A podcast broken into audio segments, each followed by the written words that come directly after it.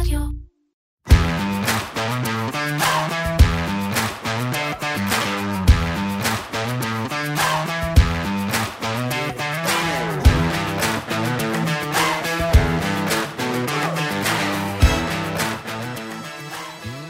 בשביל לתחזק כלכלה חזקה אתה צריך ודאות. ובשביל ודאות אתה צריך שחוקי המשחק יהיו ברורים ושקופים. ואנחנו לא שם. את המשפט הזה, הכל כך אה, אה, מדויק, אמרה השבוע אלה אלקלעי, אה, בריאיון לבלומברג, בלומברג אה, שאלו אותה, ובחרנו השבוע לפתוח איתו את הפודקאסט, משום שאיכשהו מתחבר לנו לשני הנושאים עליהם נדבר היום. בעצם אה, אה, שתי כלכלות שנמצאות בכיוונים שונים לגמרי. אה, הישראלית והאמריקאית. כלכלה אחת שצוברת ודאות מיום ליום, וכלכלה שנייה שעוברת את המסלול ההפוך. אז שלום וברוכים הבאים לפרק נוסף של פודקאסט מנועי הכסף של כלכליסט, עם הכלכלן והאסטרטג הראשי של פסגות, אורי גרינפלד. אהלן אורי. אהלן שי. והיום, כאמור, אנחנו אה, נדבר על... אה, ביום רביעי בערב, שעון ישראל, העלו ריבית בארצות הברית, אחת העלאות הריבית הכי שקטות שידענו לאחרונה. ממש... אה, כאילו לא קרתה. כן, כן, ממש שקט ורגוע, אבל אה, אמרנו שקט ורגוע, אה, לא היה שבוע שקט ורגוע ב, ב, במחוזותינו. איפה שלא תסתכל, שקט זה לא, לא תגדיר שקט. את המצב. ממש לא שקט, אה, ממש לא רגוע, אה, וממש חם. אפשר גם להוסיף. אה, כן, אה, אולי זה חלק מהעניין. כנראה אחד השבועות המכריעים אה, בהסתכלות קדימה על אה, לאן הדברים הולכים, למרות שאנחנו יוצאים עכשיו לפגרה, אה, אבל אה, אנחנו יודעים וראינו את זה מאוד טוב גם השבוע, תכף ניכנס להכל, אבל בסוף, אה, מה שמשפיע על השווקים זה הסנטימנט, זה לא הפעולות עצמן.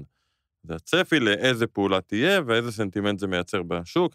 ולכן צריך להגיד, גם בתקופה של פגרה, אה, כותרת כזו, כותרת אחרת, אה, מהלכים כאלה ואחרים, גם אם הם לא אה, קונקרטיים, עדיין ישפיעו אה, על השווקים, אם זה שוק המניות, האג"ח, המט"ח. אה, זה לא שבגלל שבפגרה, אז כנראה הכל יהיה רגוע בשבועות הקרובים. כן, אז אה, נתחיל, טוב, כולם יודעים את ה, אה, מה היה בכנסת, אבל אה, מיד אח, לאחר מכן אה, הגיע הדוח, שוב דוח של אה, מודי'ס, ואתה יודע מה, כמו בסבב הקודם, אני חושב שזה היה במאי, למה תמיד, בלי קשר, למה תמיד מודי'ס ראשונים?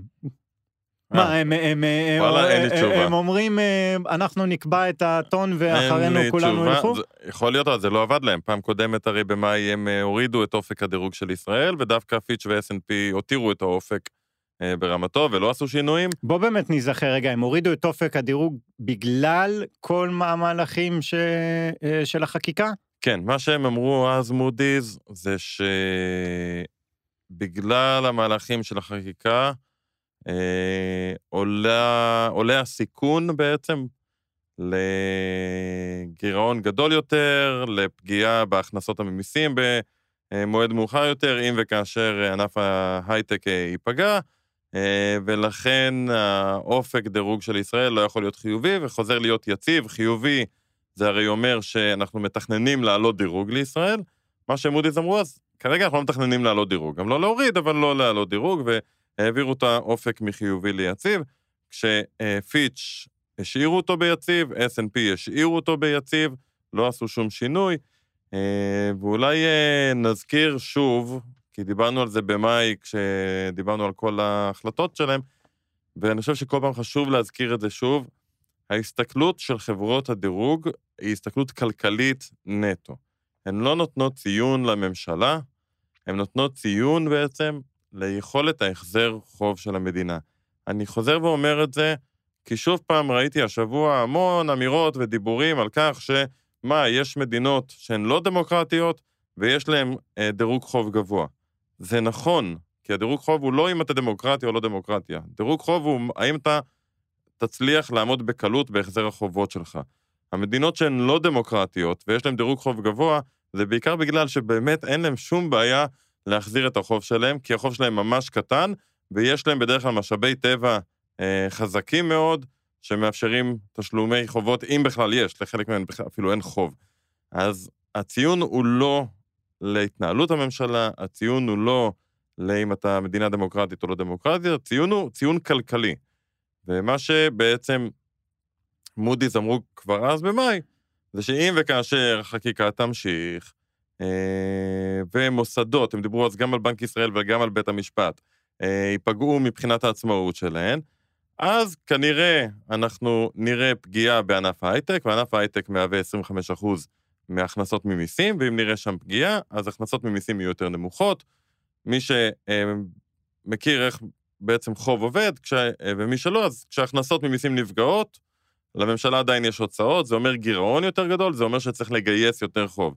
במילים אחרות, ה overdraft שלך רק הולך וגדל, ולכן הסיכון שלך כלווה אה, אה, אה, גדל גם הוא.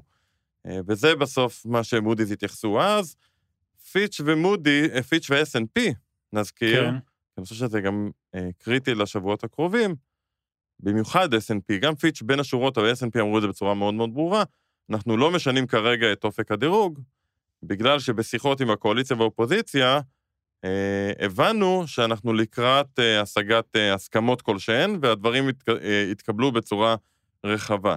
עכשיו, זו הייתה ממש הנחת בסיס בהחלטה של S&P, עוד פעם, גם פיש אמרו את זה קצת יותר בין השורות ויותר מעורפל, אבל ב-S&P זה היה מאוד מאוד ברור. זו הייתה ממש הנחת בסיס, ולכן עכשיו, כשההנחה הזאת היא, בוא נגיד, פחות סבירה, כן. לפחות כרגע, אה, מאוד יהיה מעניין לראות איך אה, חברות הדירוג אה, מעבר למודי'ס, דווקא פיץ' ו-S&P, אני חושב שההחלטות שלהם יהיו יותר מעניינות, איך הן בעצם מגיבות להחלטה שלהן הקודמת, ובעיקר לכביכול הבטחות. אני לא חושב שזה באמת הבטחות, זה יותר שיחות ומה שהם הבינו מהשיחות. שהדברים לא קרו כמו שהם חשבו שיקרו. כן, בוא, בוא רגע תכניס גם אותנו לעניין הזה של אנליסט. נניח, אנחנו כל הזמן מדברים על השקעות. מה, הוא, הוא, הוא, אם עד עכשיו הוא היה צריך לבחור חלק מתיק ההשקעות שלו לשים או בישראל או ב... לא יודע, באותו אזור בעולם, אה, השקעה כזאת, עכשיו הוא רואה את הדוח של אה, אה, מודי'ס והוא אומר, די, לא? ככה זה עובד? צריך להפריד בין משקיעים מקומיים ומשקיעים זרים. מבחינת המשקיע המקומי זה באמת לא משנה. אתה, אם קנית השקעת בתל אביב 125, אה, זה לא משנה לך מה מודי'ס אומרים, זו החלטה שלך.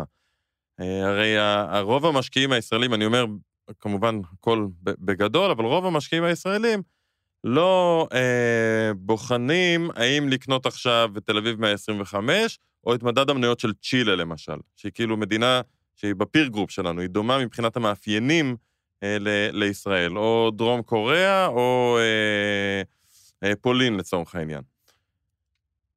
משקיע זר לעומת זאת, יש לזה הרבה יותר השפעה, כי משקיע זר יש לו תיק שמפוזר גלובלית על פני כמה מדינות, אה, ויש לו peer group שהוא מסתכל על ישראל כעוד אחת מהמדינות שדומות במאפיינים שלה, ואז אם חברות הדירוג בעצם מעלות את רמת הסיכון במדינה מסוימת, מבחינתו, הכדאיות השקעה במדינה הזאת לעומת מדינה אחרת שהיא ב peer group, קטנה, ואז הוא יכול, להס... כנראה יסיט חלק מההשקעות שלו. לכן גם במובן הזה, אני חושב שמה שקרה השבוע... ושוב, לא אכפת לו, כן דמוקרטיה, לא דמוקרטיה, כן חוק, לא, לא חוק. לא, זה בא לידי ביטוי בסיכון שהוא רואה. אם הוא רואה מדינה ש... אה, אה, נקרא לזה איכות הממשל או איכות המוסדות נפגעת, מבחינתו יש לזה השלכות מבחינ... ברמת הסיכון, ועל סיכון אתה צריך לדרוש כמשקיע פרמיית סיכון. זאת אומרת, אם אני משקיע במדינה והסיכון שלי, אה, הסיכון של המדינה עלה בעיניים שלי, אז אני בעצם דורש פרמיית סיכון יותר גבוהה. מה זה אומר לדרוש פרמיית סיכון? אני דו, מוכן לקנות את המניות או את האגרות חוב או את המטבע, רק במחיר נמוך יותר, כי אני מבקש עוד איזושהי פרמיה, עוד איזשהו רווח על זה שאני מוכן לקחת סיכון. זה לא אומר שלא יהיו משקיעים, זה אומר שרק פרמיות הסיכון יגדלו, ולכן משקיעים ידרשו אה, יותר. עכשיו, במובן הזה, דווקא הדוח של מודי'ס, אה, שהכותרות עליו היו אה, יותר דרמטיות מהכותרות על האירוויזיון האחרון, בוא, הוא לא היה כל כך חריג ב, ב, במה שנאמר שם, כן. גם אתה קראת את הדוח, הוא כן אמר דבר מאוד, אני חושב, ברור, אם בכל זאת אתה עושה איזושהי קריאה של סאבטקסט של הדוח, מודי'ס אמרו, לפני שלושה חודשים ציינו שישנו סיכון מסוים, שלא נגיע, לה, שלא יהיו הסכמות, זה כן. מבחינתנו היה סיכון, הסיכון הזה התממש. ולכן, מבחינתנו, צריך להסתכל על המצב היום כמצב שבו הסיכון גבוה יותר. זה בעצם מה שהם אמרו. הם לא... זה לא היה דוח חריג בזה שפתאום דיברו על הפחתה נוספת של אופק הדירוג, או אולי על הפחתת דירוג, ממש לא. הם רק ציינו שהסיכונים שהם ראו קודם התממשו, והמשמעות של זה זה בעצם שההסתכלות שלהם היום היא שפרמיות הסיכון של ישראל יותר גבוהות. מה יותר מעניין זה דווקא הדוחות של הבנקים, של סיטי ושל uh, uh, מורגן סטנלי. מורגן סטנלי, כן. ונכון שזה בסוף, אתה יודע, גם סיטי וגם מורגן סטנלי, יש כמה וכמה, מה שנקרא, דסקים שיוציאו דוחות על ישראל. זה יכול להיות דסק מטח, שיש שם כמה סוחרים ואנליסטים שעושים אה, אנליזה לישראל, והם יוציאו דוח שלהם. יש דסק אג"ח, אה, סוחרים ואנליסטים שמתעסקים באגרות חוב, והם יכולים להוציא דוח אחר לגמרי.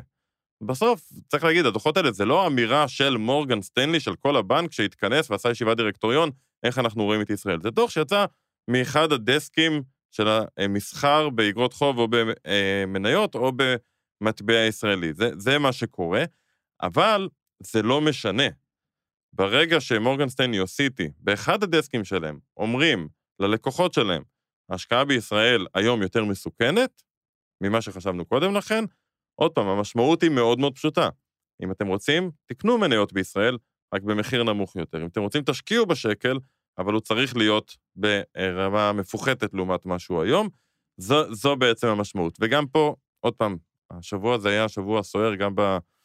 לי היו המון המון דיונים ו- ושיחות עם משקיעים ועם אה, אה, סתם אנליסטים אה, ב- מהצד הזה ומהצד הזה. שהיה שבוע מעניין ברמת הפעילות אה, שלי, האישית, אבל אחד הדברים ששוב ושוב שמעתי, ושחשוב לי אה, להדגיש אותו, זה שאוקיי, אבל מודי'ס לא באמת מבינים ולא באמת קולטים מה קורה פה, ורק כשאתה פה אתה מבין מה קורה פה. עכשיו, על זה אני יכול להגיד שני דברים. אחד, שטויות, מודי'ס מבינים טוב מאוד מה שקורה, אה, ורואים את זה בדוחות שלהם, ורואים את זה בשיחות ועידה שהם עשו, אה, האמת שזה S&P, עשו שיחת ועידה, עד כמה שאני זוכר, אולי זה היה מודי'ס, במאי, וראית עד כמה הם בקיאים בחומר, עד כמה הם מנתחים חלקים שונים של הרפורמה וההשלכות שיכולות להיות, וענף ההייטק, איך הוא עובד בישראל. שוב, ניתוח כלכלי. כלכלי, נטו. הם מבינים טוב מאוד את הכלכלה הישראלית, יש שם חבר'ה מאוד מאוד מוכשרים. אבל נגיד שזה לא המצב. בואו נניח כהנחת בסיס, וואלה, חבר'ה במודי'ס, סתם זורקים מילים על נייר. לא היו בישראל יום בחייהם. אין להם מושג איפה כן. זה ישראל. זה לא משנה. זו בדיוק הנקודה. זה לא משנה. כי המשקיעים בעולם מסתכלים על מורגן סטייני או על סיטי או על מודי'ס כגוף שמשלמים לו כסף כדי שיביע את דעתו הכלכלית. זה לא שהמשקיעים בעולם עכשיו יעשו בעצמם ניתוח לכלכלת ישראל. הם מסתכלים על הגופים האלה ומקבלים מהם בעצם את הדירוג או את ההמלצה אם להשקיע בישראל או לא. אז גם אם מי שהוציא את ההמלצה להקטין השקעות בישראל, אין לו מושג על מה הוא מדבר, כן. זה עדיין יוביל להקטנת השקעות בישראל. כי המשקיעים לא, בשביל זה הם משלמים למורגן סטנלי, כדי שיעשה את העבודה הזאת, בשביל זה הם משלמים לסוכניות הדירוג. אז האמירה הזאת של, אה, לא, זה לא צריך לייחס לזה יותר מדי משמעות, הם לא ממש מבינים, זה עוד פעם, זה לא נכון, אבל גם אם זה היה נכון, זה לא משנה. זה כמו שפעם, אתה זוכר, לפני כמה שנים היה ויכוח אדיר בארץ, בתקשורת, מי צודק לגבי מחירי הדיור, הלמ"ס, אה, האוצר, או ה... אה, היה עוד גוף שמפרסם מחירי דיור, השמאי הממשלתי. כן. והיה ויכוח, כי אחד אמר שזה עלה בככה, והשני אמר שזה בכלל לא עלה, ופתאום נוצר ויכוח שוואי, אף אחד לא יודע מה קורה פה למחירי הדיור. ואותו דבר, אז כל, בכל שיחה שהייתי, כל הזמן אמרו את זה, וואה, למ"ס לא, לא מבין בנתונים שלו. וזה לא משנה, כי בסוף החלטת ריבית, למשל, של בנק ישראל, מתקבלת על סמך נתוני האינפלציה של הלמ"ס. גם אם אתה חושב שהאינפלציה בישראל היא לא אה, ארבעה וחצי אחוזים, אלא היא 20 אחוז, כי אתה הלכת לסופר והמחירים של המוצרים שאתה קנית עלו ב-20 אחוז, אז התחושה שלך היא שזה, שהלמ"ס לא מבין כלום מהחיים שלו. זה לא משנה, כי החלטת הריבית של בנק ישראל תתקבל על סמך נתוני הלמ"ס. אותו דבר, החלטות ההשקעה של משקיעים זרים בישראל יתקבלו על סמך ההמלצות של מורגן סטנלי, סיטי, בנקים אחרים, מודי'ס, S&P, פיץ', ולא על סמך מה שאני כאזרח חושב לגבי מה שקורה פה במדינה. כן.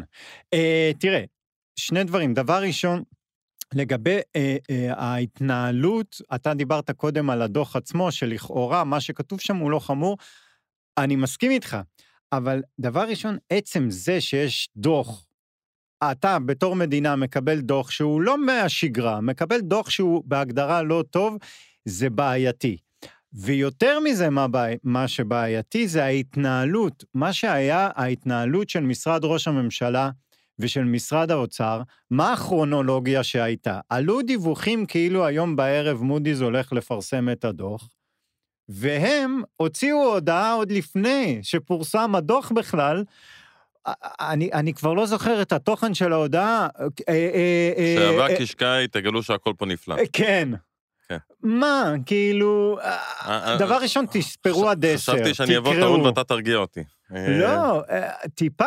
אתה יודע, כן. אנחנו צריכים לשדר רציבות. עכשיו, אתה בתור מישהו שלא ראה את הדוח, מקבל את התגובה הזאת של ראש הממשלה ושר האוצר, אתה אומר, הכי גרוע יקרה.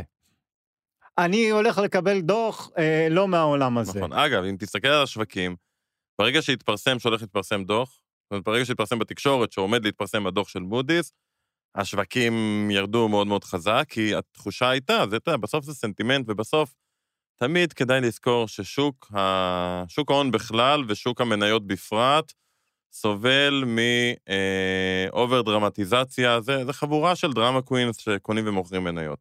ברגע שבאמת התפרסם הדבר הזה, אז פתאום ראינו ירידות סופר חדות, גם בשקל, אבל בעיקר במניות, אה, כי ציפו אולי לאיזשהו דוח שרומז על הפחתת דירוג אוטוטו. או אפילו הפחתת דירוג. או אפילו הפחתת דירוג כן. מיידית, כן. אה, ובסוף, כשהתפרסם הדוח כפי שהוא, ועוד פעם, זה שהתפרסם דוח, אתה צודק, יש לזה המון משמעות. אבל הדוח כשלעצמו לא היה חריף כמו שאולי חשבו שיהיה, ופתאום השוק עולה. אז השוק לא עולה כי הדוח של מודי'ס טוב לכלכלה. השוק עולה כי החדשות היו פחות טובות, מהציפ... היו יותר טובות מהציפיות. כן. שוק ההון תמיד עובד על ציפיות. זה מקרה קלאסי, בדרך כלל אומרים, קנה בשמועות, מכור בחדשות. אז פה זה כאילו הפוך, מכרו בשמועות, ואז קנו בחדשות, כי הסתבר שהמצב לא גרוע כמו שחשבו קודם לכן. אני, אני נורא חשוב, אני חושב, להפריד לשתיים כל הזמן את סיפור הרפורמה, או בכלל את, את התקופה הנוכחית, להפריד לשתיים מבחינת ההשפעות הכלכליות. השפעה כלכלית אחת, ועליה חברות הדירוג בעיקר מדברות, היא ההשפעה של הרפורמה כפי שהיא מוצעת היום, אם וכאשר היא תצא לדרך בצורה הזו. ההשפעה הזאת היא יצאה השפעה... לדרך. היא לא חוקקה במלואה. אוקיי, כן. אני מדבר על המצב הזה, ועל זה חברות הדירוג בעיקר מדברות. אם וכאשר, וזה, וצריך לשים לב גם למלל ולסמנטיקה, אם וכאשר הרפורמה תופעל בצורתה, במתכונתה המלאה, כמו שהיא מוצעת היום, מתישהו בעתיד, הפגיעה בכלכלה הישראלית תהיה מאוד מאוד חמורה, כי יש לזה המון השלכות לגבי ענף ההייטק. ובלי ענף ההייטק, המצב של הכלכלה הישראלית פחות טוב. ואם זה יקרה, אז דירוג האשראי של ישראל בסכנה, כי כנראה לא נוכל לשמור על יציבות פיננסית כמו שיש אה, היום, וכנראה השקל יהיה במקום אחר לגמרי, וכנראה הכלכלה גם תיכנס למיתון עמוק. עוד פעם, זה אם וכאשר, וזה בעתיד הרחוק. זה צד אחד. הצד השני שאתה הזכרת, שבאמת, עצם זה שמפרסמים דוח, זה הצד של חוסר הוודאות, של חוסר השקט, אה, ומה שהוא מייצר, וזה קורה גם אם לא תהיה רפורמה בסוף, זה עדיין קורה. כן. והחוסר שקט הזה, מה שהוא גורם, הוא גורם קודם כל לעלייה, כמו שאמרנו, בפרמיות סיכון. זאת אומרת, יכול להיות שהשקל אה, מפוחת, ואז יעבור תיסוף, ואז יפוחת, ואז יעבור... התנודתיות של שער חליפין גדלה משמעותית. כן. על זה אי אפשר להתווכח. בהחלט. שלתנודתיות הזאת יש עלות. מי שסוחר באופציות מכיר את זה. ככל שהתנודתיות יותר גבוהה, פרמיית סיכון בעצם עולה. אם אני רוצה להשקיע בשקל, אני לוקח בחשבון היום שהוא הרבה יותר תנודתי מבעבר, ולכן אני בעצם דורש מחיר, אני דורש תשואה יותר גבוהה תמורת הסיכון שאני לוקח. תנודתיות היא סיכון. בשווקים הפיננסיים, תנודתיות היא סיכון. כן. ותמורת תנודתיות, אני דורש פרמיה. אז זה כשלעצמו מייצר לנו בעצם גם בעיה בשקל, גם בעיה בשוק המניות שנהיה יותר תנודתי, וכתוצאה מהשקל ושוק המניות גם בעיה בשוק האג"ח. וצריך להגיד שגם לזה יש השלכות, כי אתה יודע, אפילו בנק ישראל, שיש לו מודל אה, לנסות להעריך מה צריכה להיות הריבית במשק, בתוך המודל הזה גם נכנסת התנודתיות בשוק המטח, פרמיית הסיכון של שוק המטח. עצם התנודתיות כשלעצמה גורמת לזה שלבנק ישראל יותר קשה לעצור את העלאות הריבית. גם אם אנחנו כל הזמן ננוע סביב ה-3.5 או 3.6, וננוע בין 3.7 ל-3.5 כל הזמן, ולא יקרה איזושהי מגמה ולא תהיה פגיעה כלכלית אמיתית, אלא רק חוסר שקט, זה כשלעצמו גורם לזה שבנק ישראל יהיה יותר קשה להעלות ריבית, אה, יותר קשה לעצור את העלאות הריבית. עצם זה שבנק ישראל לא יכול לעצור את העלאות הריבית, כמובן שזה גורם לבעיה כלכלית, כי אנחנו כמשקי בית נאלצים להתמודד עם ריבית גבוהה למשך יותר זמן. כן. או ריבית עוד יותר גבוהה, פוגע בנו דרך המשכנתאות, דרך ההלוואות, אז יש לזה השלכות כלכליות רק לחוסר השקט הזה. אותו דבר בדיוק בשוק המניות, אותו דבר בדיוק אה, בשוק האג"ח. מעבר לזה, ופה זה כבר עניין באמת של פרשנות, כי אה, אין, קשה למצוא נתונים, ומודי'ס דיברו על ענף ההייטק שנפגע יותר ממקומות אחרים בעולם. אני גם פה מנסה להיות אובייקטיבי, צריך להגיד שענף ההייטק בכל העולם בפגיעה, וחלק מהסיבות שענף ההייטק הישראלי היום גייס פחות כסף מענף ההייטק הגלובלי, זה כי חלק גדול מהגיוסים בענף ההייטק הגלובלי היו בחברות AI, והיו גיוסי עתק בחברות AI. ו-AI זה משהו שישראל באמת לא מתמחה בו. אז לא בטוח שזה קשור בכלל לרפורמה. יכול להיות שזה קשור לזה שההייטק הישראלי מתעסק יותר בסייבר ובדברים אחרים, ופחות ב-AI, ואולי בגלל זה יש פערים גדולים. מאוד קשה לבוא ובאמת לדעת עד כמה החוסר שקט גרם לכך שקרנות החליטו לא לשים כסף היום בחברות ישראליות. כן. אז ברור שיבוא הייטקיסט שניסה לגייס כסף ואמרו לו לא, יגיד אה, זה בגלל הרפורמה. אבל אולי זה בגלל שהפיץ שלך לא מספיק טוב, ואולי זה בגלל שכרגע הם מעדיפים לחפש חברות אה, אה, AI. עוד פעם, אני לא אומר שאין השפעה, אני אומר שנורא קשה לכמת את זה, אני מנסה להיות כמה שיותר אובייקטיבי.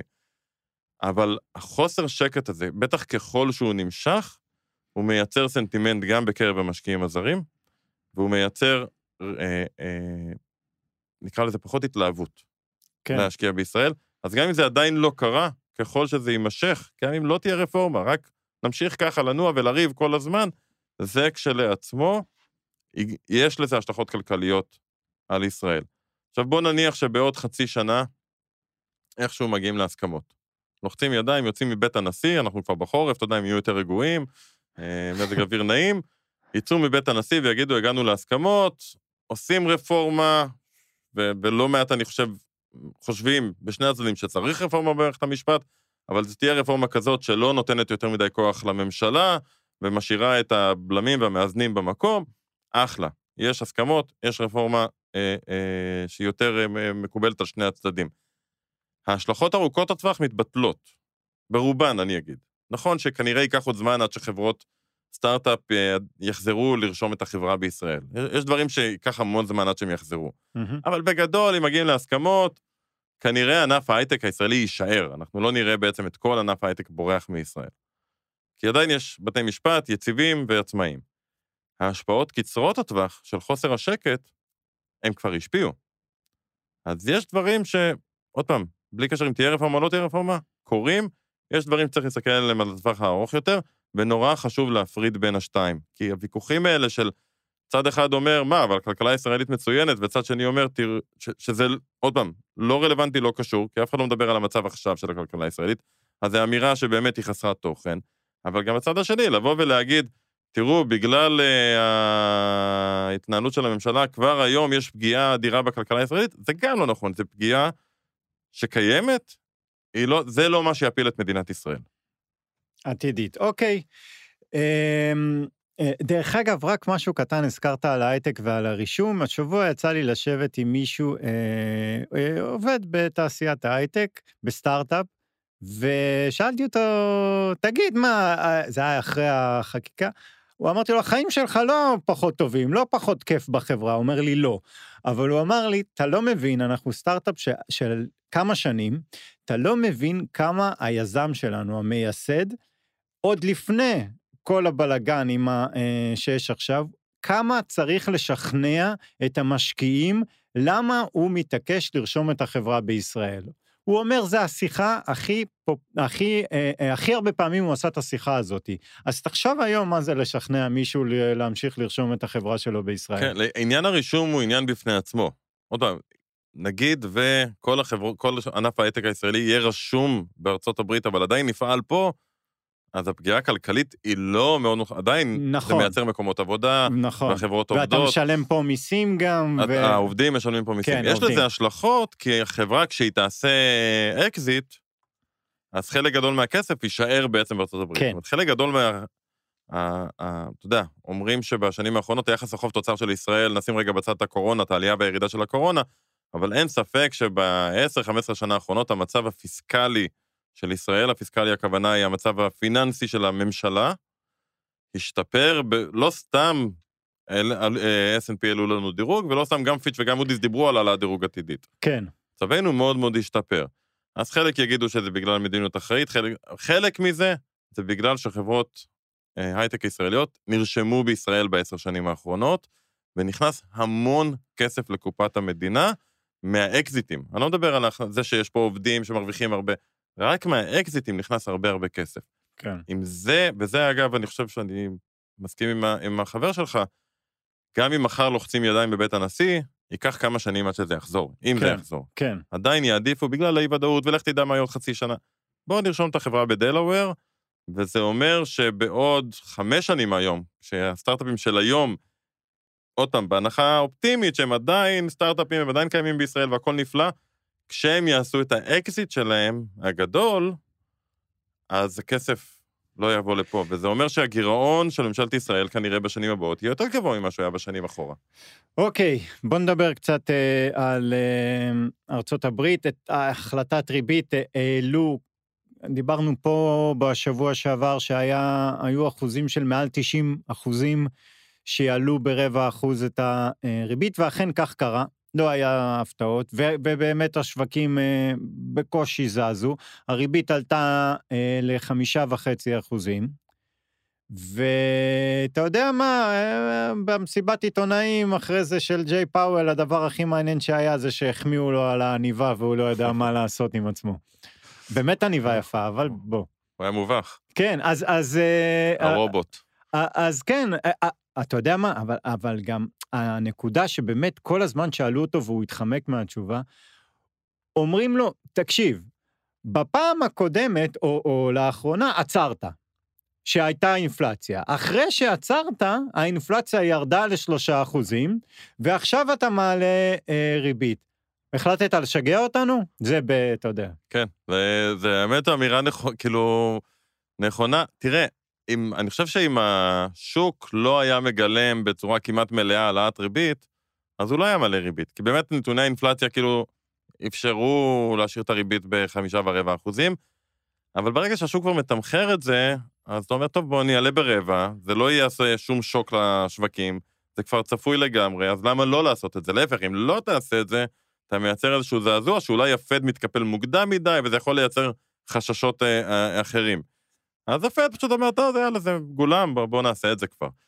אני חושב שמה שאני לוקח מההודעה של הפד, ובעיקר גם ממסיבת העיתונאים שאחרי זה, ואני לא יודע, זה לא מסר שהוא ניסה להעביר, אבל זה כן עבר, זה שהם בדיוק בנקודה היום, שגם להם אין מושג.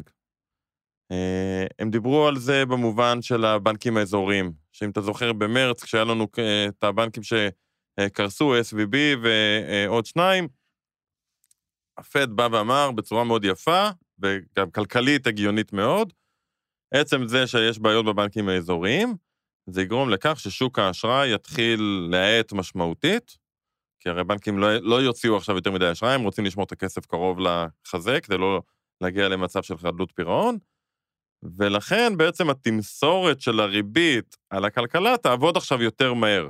כי אם אין אשראי, אז הכלכלה תאט סוף סוף. הרי הפד רוצה לראות את הכלכלה מאטה, בעיקר את שוק כן. העבודה.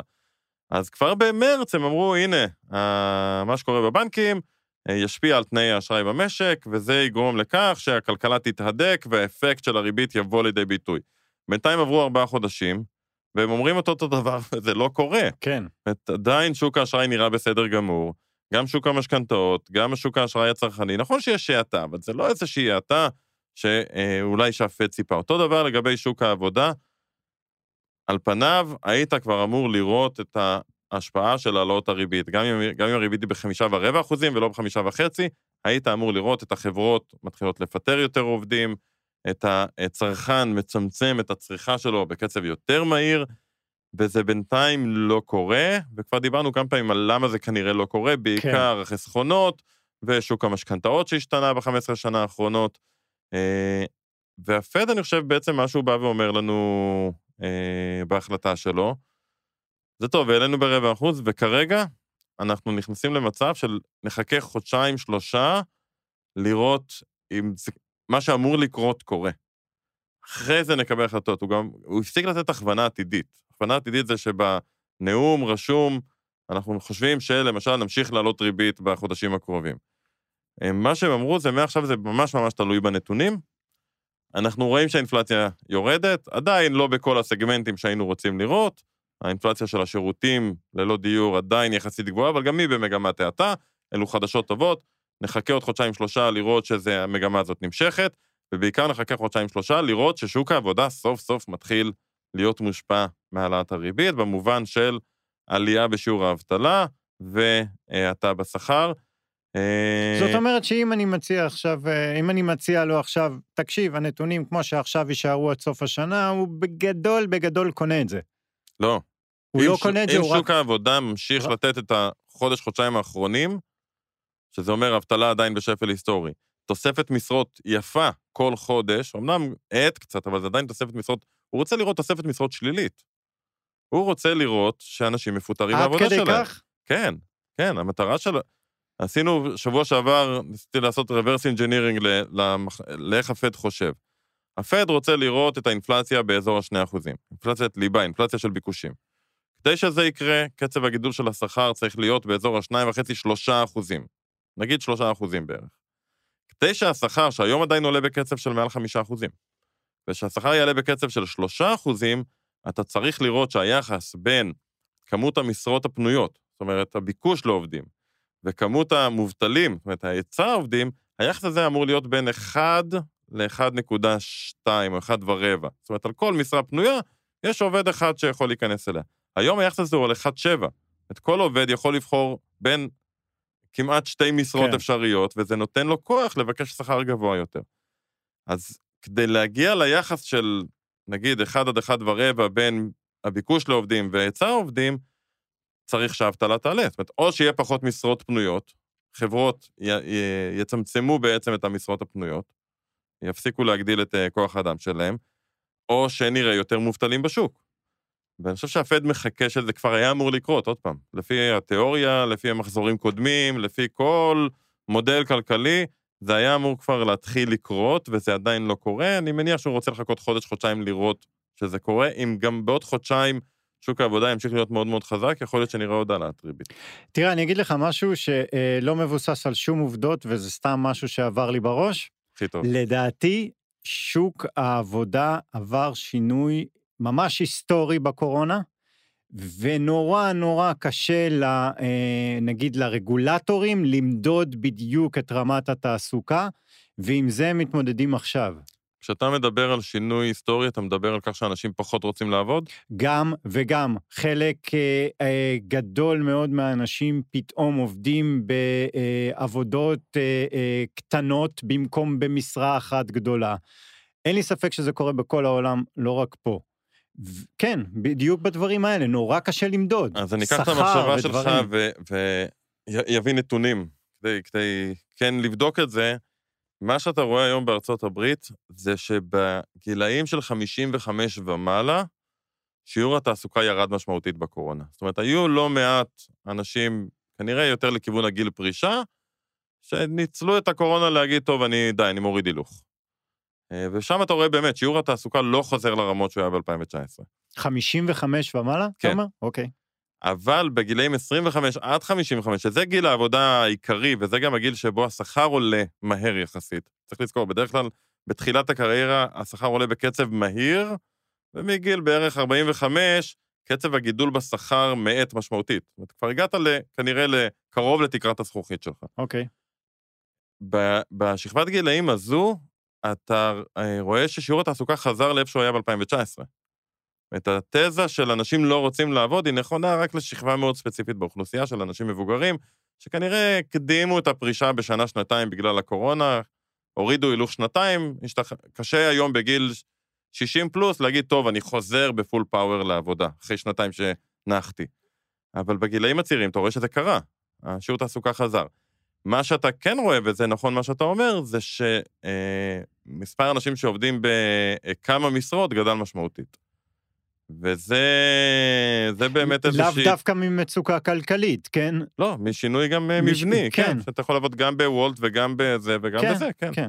אה, וזה באמת מייצר קצת אה, סימני שאלה לגבי איך אתה מודד אה, את הפער בין מה ש... אתה יודע, יש פער נורא גדול בין העובדים שחברות מדווחות, שהן מגייסות, לבין הדיווח שמגיע ממשקי הבית. אני חושב שדיברנו על זה פעם, כן. אבל נזכיר, בדוח תעסוקה כל חודש, שיוצא ביום שישי הראשון של כל חודש, יש בעצם שני דוחות נפרדים. דוח אחד נלקח מהמעסיקים, הלמ"ס האמריקאי פונה לחברות ושואל אותם, גייסתם עובדים, לא גייסתם עובדים, מה עשיתם? והדוח השני מגיע בעצם מסקרים שנעשים בקרב משקי הבית. נוצר פער נורא גדול בין שני הדוחות, פער שלא היה בעבר, כשהחברות אומרות, אנחנו מגייסים המון אנשים, ואנשים, לא, אתה לא רואה שיותר ויותר אנשים אומרים שהם עובדים. וכנראה חלק מזה זה באמת העניין שחברות פותחות עוד תקנים, ואותו בן אדם מתגייס למקומות עבודה אחרים ועדיין נשאר במקום עבודה שלו, אז אתה רואה גידול במספר המשרות במשק, אבל לא גידול במספר האנשים שעובדים. בדיוק. והפד מודע לזה, הוא, הוא לוקח את זה בחשבון, אבל אני חושב שמה שבעיקר מעניין את הפד עוד פעם, זה ה-reverse engineering הזה. זה בסוף, המטרה שלו היא ברורה. המטרה שלו זה שהאינפלציה תחזור לשתיים.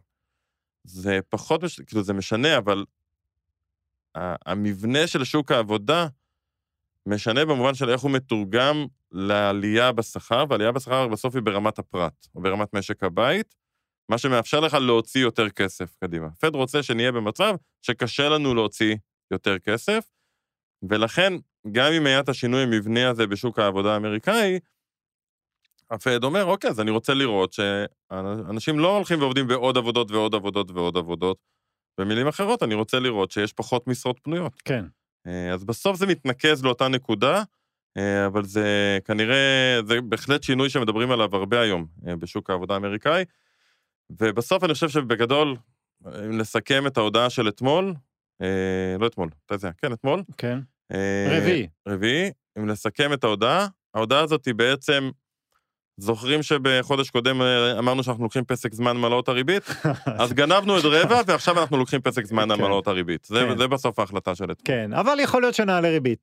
אם הנתונים אה, ידרשו, כן. אבל הם כאילו בפסק זמן, הם כאילו כרגע הרימו את הראש, נושמים רגע, גם בנק ישראל אמר את זה יפה. אנחנו מרימים את הראש לנשום רגע, אבל המאבק עדיין קיים. אם האינפלציה תמשיך לעלות, אין לנו ברירה, נמשיך לעלות. בנק ישראל הפסיק לקחת uh, פסק זמן כן, uh, בימים האחרונים, שם, אין לי ספק. שם שנורקל וחזר מתחת למים, כן. אוקיי, אנחנו נעבור לחלק האחרון של הדבר המוטרף שקרה השבוע ואולי לא שמתם אליו לב. Uh, מי? אני אתחיל? כן.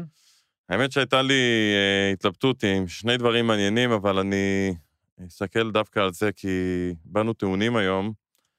אז קצת, אתה יודע, אומרים אה, צרת רבים חצי נחמה, אז בואו נתעסק קצת בצרות של אחרים. יאללה.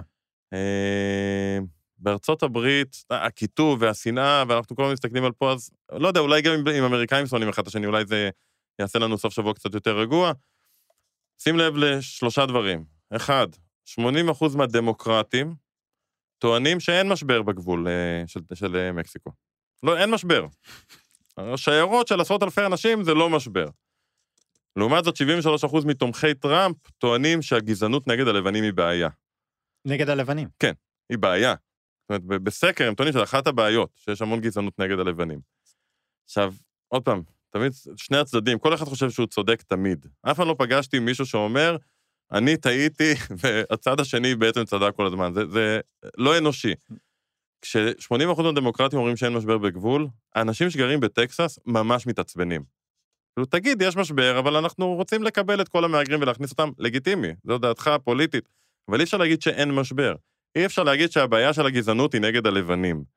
ובסוף כל זה מתנקז לכתבה שהצחיקה אותי נורא, על, שמעת על ג'ייסון אדלין? לא. אני מקווה שאני אומר את זה נכון, אל, אלדין, סליחה, לא אדלין, ג'ייסון אלדין. ג'ייסון אלדין הוא זמר קאנטרי אמריקאי. אה, אנחנו פחות מכירים פה את הז'אנר, אז אה, אנחנו כנראה, לא, לא פלא שלא הכרנו אותו. שהשיר שלו הגיע למקום שני במצעד של הבילבורד, של הבילבורד 100, והשיר הזה נקרא Try That in a Small Town. השיר הזה מייצר אה, בלגן אה, בארצות הברית שלא נראה מזה המון המון זמן, כי זה שיר בעצם שנשמע, שמעתי אותו ביוטיוב, מציע לכולם להיכנס, Try This in a Small Town, זה נשמע כמו שיר שכתבו היוצרים של סאוט פארק, על שיר קאנטרי שנכתב על ידי אה, אנשים מדרום ארצות הברית. כל השיר הוא אה, על ה riots ברחובות, על זה ששודדים אה, מנשים זקנות את הרכבים, come, try this in a small town, מציע לך, אל תתקרב. פרודיה? זה בעיקרון... לא, לא, לא שיר אמיתי לגמרי. כן.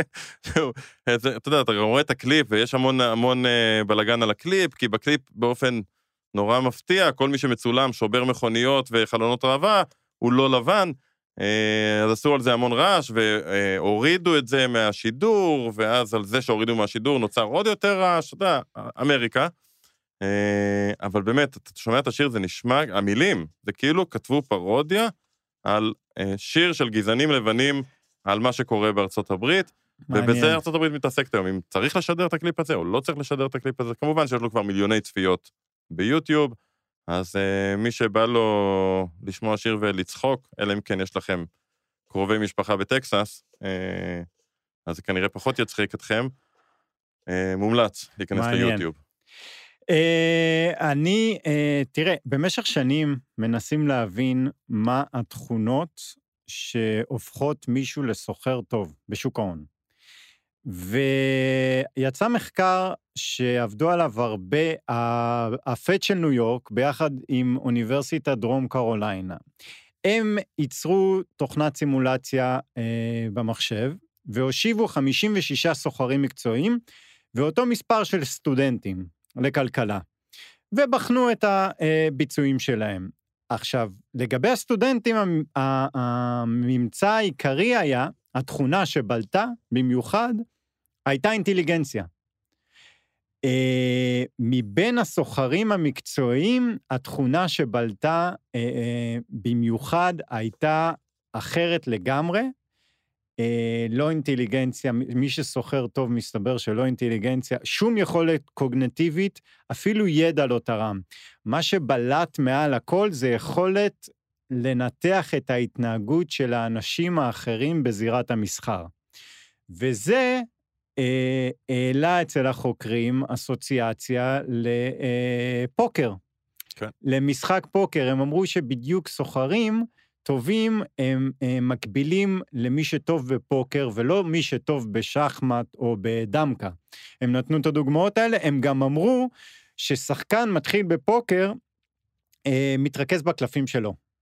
מחשב, הוא מסתכל ומחשב את הקלפים שלו. שחקן טיפה עם ניסיון, אה, חושב על הקלפים של האחרים, והמקצועיים ממש חושבים על מה האחרים חושבים שלהם יש אה, כן. ביד. זה, זה שוק ההון אה, ב trading, זה שוק כן. ההון בעצם. לגמרי. הצד של האינטליגנציה זה ל long term, זה הבאפטים למיניהם, בואו ננתח חברה. אבל במסחר זה לגמרי אה, משחק פוקר, לכן אני לא סוחר. אה, כן. אני גרוע בזה וגרוע בזה. תודה רבה שהאזנתם, שיהיה שקט רק.